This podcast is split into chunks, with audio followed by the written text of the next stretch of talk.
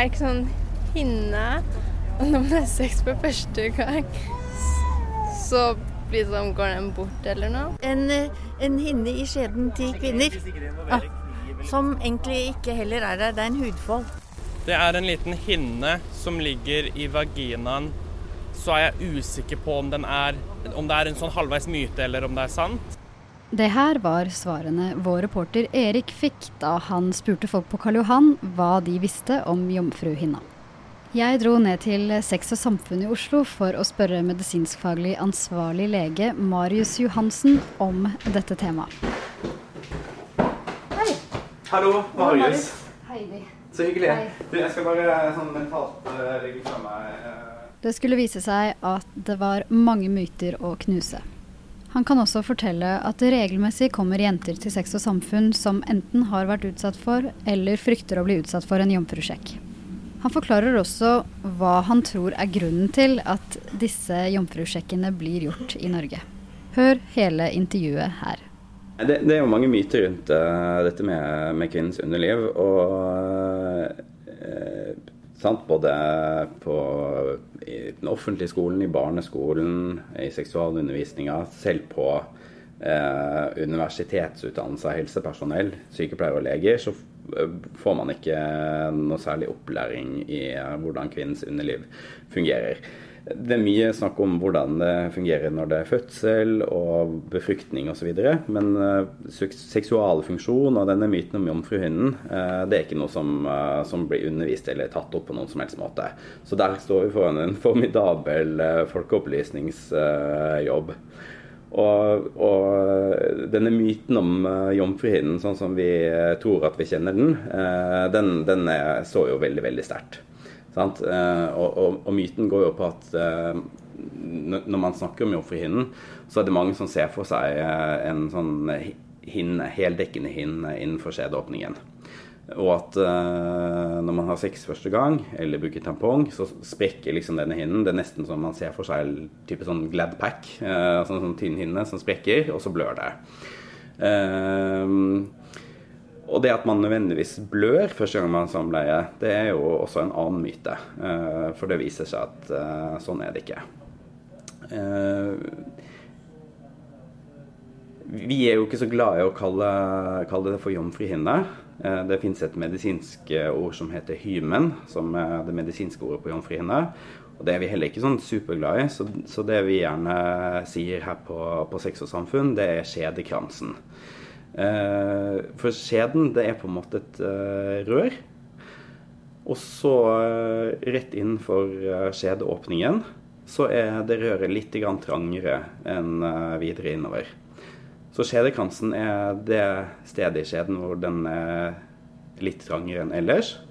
Og det er en, en fold, en, en, hudfold eller slimhinnefold som sitter rett innenfor skjedeåpningen. Og den sprekker? Nei, det er, ikke, det er ikke, sikkert at den sprekker. Uh, for noen så er den uh, folden så, så liten, og allikevel såpass robust at det er nærmest som en rynke i huden, på en måte. sant? Uh, og, og, det er ikke sikkert at den uh, vil få noe som helst skade når man uh, har hatt sex første gang, eller når man har hatt sex mange ganger. Det er til og med sånn at mange som har født barn, fortsatt har deler eller hele skjedekransen i behold. Uh, så man kan rett og slett ikke se det, uh, om noen har hatt sex eller ikke, ved, ved, å undersøke gynekologisk og se mellom beina. Er det noen sånn statistikk på hvor mange som blør, f.eks.? Ja, når det er samleie? Det er gjort litt forskning på det. Ikke mye, faktisk. Men uh, de, de få undersøkelsene som er gjort, de viser at noe sånn som mellom 40 til 55% ca. har blødd første gangen de har hatt samleie. og det viser jo at det faktisk kanskje er vanligere å ikke blø enn å blø første gangen eh, du har samleie. Og så, så, har man prøvd å, å finne ut uh, hva er årsakene da, til at noen blør første gang de har samleie. Og det er nok uh, ganske sammensatt. Eh, veldig mange som skal ha sex for første gang, de uh, kan grue seg eller de kan spenne seg, sånn at de kanskje ikke blir ordentlig seksuelt opphisset. Og at ikke de blir våte nok. Og Da blir det friksjon. ikke sant? Da vil det bli små, små rifter og skader i skjeden. Og de kan blø. Og det kan like gjerne være et annet sted i skjeden som akkurat uh, i skjedekransen. Uh, så det er ikke sånn at det nødvendigvis er det vi kaller jomfruhinna eller skjedekransen hvor blødningene kommer fra. Det kan også bli små rifter andre steder. Så det er veldig mange ulike årsaker til at man kan ha blødning første gang man har samleie. Eh, samtidig som det kanskje er enda vanligere å ikke ha blødning ved første samleie som å ha blødning. Men hvor kommer denne myten fra da? Det er et veldig godt spørsmål hvor denne myten kommer fra. Um, for det første så, så, er det kulturelt betinget og, og religiøst betinget. Sant? Altså dette med at kvinnen eh, Den ideen om at eh, mannen på en måte skal bryte opp kvinnen og, og trenge seg inn og forårsake en blødning, Eh, den har blitt fortalt til alle, alle tider bakover bakover historien. Og så er det en myte som har blitt hengende med videre. Og så er det jo også en måte å kontrollere kvinners seksualitet på. sant? Eh, det er veldig få, veldig få kulturer hvor det er et krav om at mannen skal være jomfru når man gifter seg. Men veldig mange kulturer der er det et krav om at kvinnen skal være jomfru. Og så har dette på en måte feilaktig da, vært et slags bevis på at kvinnen er jomfru. I mangel av noe bedre, på en måte? I mangel av noe bedre, ja. Og så har man eh, har jo dette blitt løst på mange måter. For det er jo veldig mange kvinner opp gjennom tiden som ikke har vært jomfru, men som likevel har eh, klart å vise en blodflekk på lakenet. Og det kan være griseblod, eller det kan være å stikke seg i fingeren. Altså det, det, det er mange måter man kan få det til å bli rødt på lakenet. Og det, dette har på en måte bare vært med på å sementere og videreføre denne her uh, myten om en jomfruhinne som sprekker uh, på bryllupsnatta.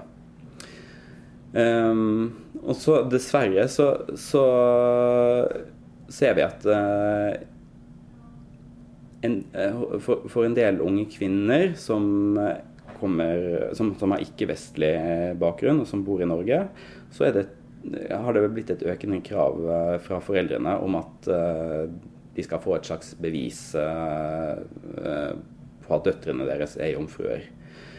Og dette har vi fått flere historier om fra pasienter som uh, kommer hit til klinikken vår på Sex og Samfunn.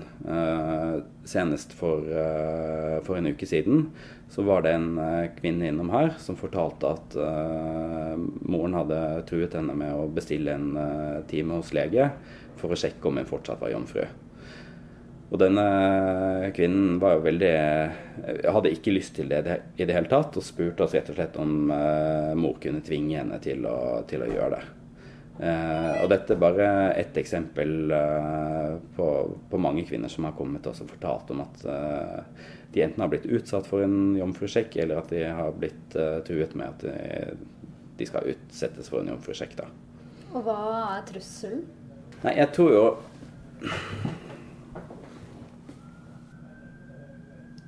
i bunn og grunn så handler jo dette mye om, uh, om, ære, ikke sant? Altså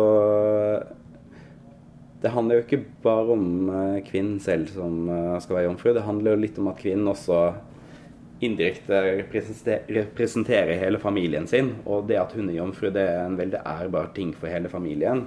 Og hvis, det, hvis hun ikke er, er, jomfru, hvis hun har hatt sex før ekteskap f.eks., så er det noe som bærer skam over hele familien. Eh, og dette er jo en uh, måte å tenke på som er kanskje veldig fremmed for uh, moderne norske kvinner og menn. Men, men, som er gjeldende i flere kulturer. Ja. Var det ja. Altså, ja. Ikke helt, men jeg skjønner Nei, at det ikke er så lett å svare på det er jo mange som lurer på hvor alvorlige er disse truslene. Altså, liksom, er det, ja, hvilke, konsekvens, hvilke, hvilke, konsekvenser altså, kan det få, da? Mm. Jeg har jo hørt historier om, uh, om, kvinner som har blitt fortalt at de uh, har blitt truet med å uh, bli sendt hjem til hjemlandet der foreldrene kommer fra, hvis det skulle vise seg at de har hatt sex før ekteskapet. Men hvis man gjør en såkalt test, da, er det sånn at den kan si noe om de har hatt sex? Eller er det helt tipp som happ? Jeg kan jo si hvordan uh, man tenker seg at en sånn test uh, foregår, da, eller hva som skjer. Altså, det, uh, når en kvinne kommer til legen, så vil denne legen gjøre en gynekologisk undersøkelse. Dvs. Si at legen, pasienten sitter i en gynekologstol, og så eh, vil legen eh, se på underlivet, ta kjønnsleppene fra hverandre. Og så det man feilaktig tror, da, det er at legen da kan se om det er en jomfruhinne som er skadet eller ikke. Og sånn fungerer det jo ikke. Og hvorfor noen leger gjør dette, eh, er jo et annet veldig godt spørsmål. ikke sant? Eh, jeg tror nok at mange leger har gått med på å gjøre undersøkelser av kvinner, og så eh, skriver de en attest på at kvinnen ikke har hatt sex. Selv om det er medisinsk umulig å, å, å skulle, si, skulle, si, noe sånn. Eh, rett og slett fordi at de tenker at de kan hjelpe kvinnen ut av en eh, veldig vanskelig situasjon. Har du vært borti noen tilfeller hvor de har skrevet noe annet? Nei, det har jeg ikke hørt om, faktisk. Det har jeg ikke hørt om. Så det er på en måte forklaringen på at norske leger går med på dette her? Det virker litt absurd for oss i ja, utgangspunktet? Ja, jeg tror, jeg tror, at eh, legene rett og slett gjør det for å gjøre kvinnen en tjeneste. Men det de samtidig også gjør, de, de gjør jo en meningsløs undersøkelse.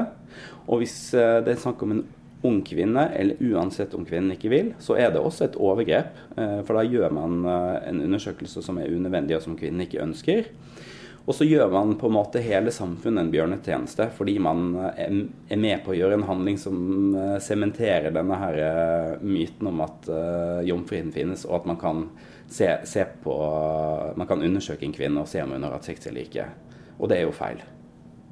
Men hva, hva skal man gjøre med dette problemet? Er det noe som vi kan akseptere at gjøres som en del av å prøve å hjelpe disse kvinnene, eller er det noe vi må jobbe forebyggende mot? Eh, vi kan overhodet ikke akseptere at, eh, at, det skjer sånne overgrep hvor helsepersonell eh, er med på det.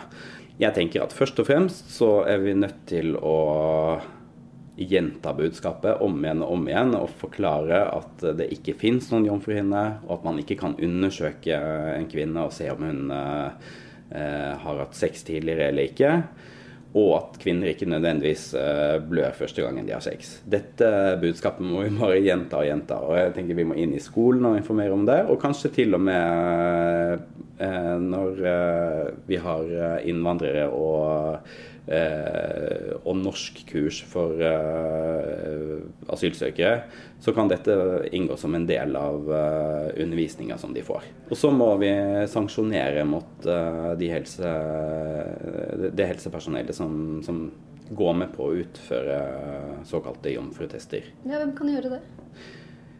Først må det meldes ifra, eh, og det er kanskje det største problemet, om noen tør å melde ifra. Men eh, noen må melde ifra, og så må eh, helsemyndighetene ved Helsetilsynet gå inn og sanksjonere mot disse legene og disse helsearbeiderne. Jeg syns fortsatt det virker rart at de kan gi en helt falsk attest. Kan jo forstå at de prøver å hjelpe i enkelttilfeller, men er det sånn at leger har myndighet til å skrive attester på ting som ikke fins? Ja. Eh, et veldig godt eksempel på det, det er jo den nye fraværsordningen i skolen. Eh, hvor elevene trenger attest for å dokumentere at de har vært syk. og hvis noen er forkjøla eller har vondt i halsen eller har vært borte pga. symptomer, så er det veldig ofte ting som legen ikke kan etterprøve, men hvor legen er nødt til å, skrive en attest til, til pasienten. da. Eh, så det er ikke så uvanlig at eh, leger eh, blir pålagt å dokumentere ting som ikke objektivt kan etterprøves. da. Men fins det noe organ som kan sjekke hva leger faktisk skriver ut av attester? Nei, det gjør det ikke. Og det jo, tror jeg blir veldig vanskelig. Eh, noen jobber jo Altså Jobber man i sykehus f.eks., så har man jo eh, store journalsystemer som mange har tilgang til. Men en fastlege f.eks. vil jo ha sitt eget lukkede journalsystem, eh, hvor ikke noen andre har tilgang til å se hva som har blitt skrevet og, og journalført. Og så har man masse private legekontor som også har sine egne journalsystemer, eh, som er lukket for, for omverdenen. Men klart, hvis det hadde blitt rettet mistanke mot en spesiell Eller mot en enkelt lege eller noe sånt, så er jo det sånn som Helsetilsynet kan gå inn og, og se på. Kan de gjøre en gjennomgang av den legens journaler. Kan man jo tenke seg, da. Så da er det rett og slett folkeopplysning og bevisstgjøring som er din, din løsning? Ja, og så må man uh, si ifra hvis man vet om noe helsepersonell som, uh, som har utført uh, såkalt jomfrutesting, så, så, er det viktig at man melder ifra. sånn at ikke det skjer nye overgrep. Hvorfor tror du det er så få som har hatt lyst til å snakke om dette her av legestanden i Norge? Jeg skal svare deg litt annerledes på det. Og så kan du spørre meg igjen.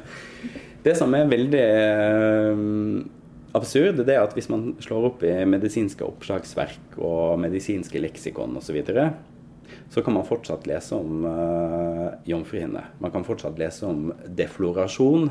Og det er uh, legebegrepet på at penis trenger inn og sprenger hull på jomfruhinnen, og at det blir en blødning første gang man har sex.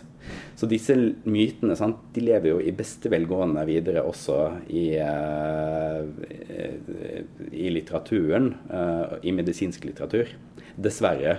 Som myteknusing, ja, det må jo til uh, i det offentlige rom, sånn at du og jeg og alle andre får vite om det. Men det må jo også i aller høyeste grad inn i utdanning og undervisning av helsepersonell. Og så må vi få rettet opp i disse gamle mytene i bøker og oppslagsverk. Uh, så det, sant, Dette er en enormt gammel kulturell eh, oppfunnet illusjon om jomfruhinnen, som bare har fått leve videre kjempelenge. Og det er mange som snakker om jomfruhinne. Uh, og vi her på Sex og Samfunn har snakket om uh, jomfruhinne i mange år. Men vi har slitt litt med å nå ut med budskapet. Og i kjølvannet av eh, denne saken, eh, denne kronikken eh, på NRK Ytring, der det nå ble satt søkelys på det igjen, så var det en gyllen anledning for oss å, å, å, å snakke, snakke, om det på nytt. Men det, men det, er mange myter som lever videre i samfunnet. sant? Også fra Bibelen og, og religiøse historier og gamle oppfatninger som har vært holdt for, som en sannhet. Sant? Sånn at det, det tar litt tid bare å, å endre på det. Ja, for det, dette er jo også vår egen kultur her i Norge. Ja, absolutt. Det er det jo. Eh, vi skal ikke så langt tilbake før, for det å være jomfru var ekstremt viktig i Norge også. Et sted må man begynne. Og jeg tenker at uh, der vi har kommet nå i 2016, så er det på en måte på tide en gang for alle å bare knuse denne myten om, om jomfruhinnen. At den ikke får leve videre. Tror du det er noen som vil være veldig uenig med deg der? Problemet er at uh, man kan være så uenig man vil, men uh, forskning og dokumentasjon uh, peker jo helt entydig mot at dette er en, en gammel oppkonstruert myte.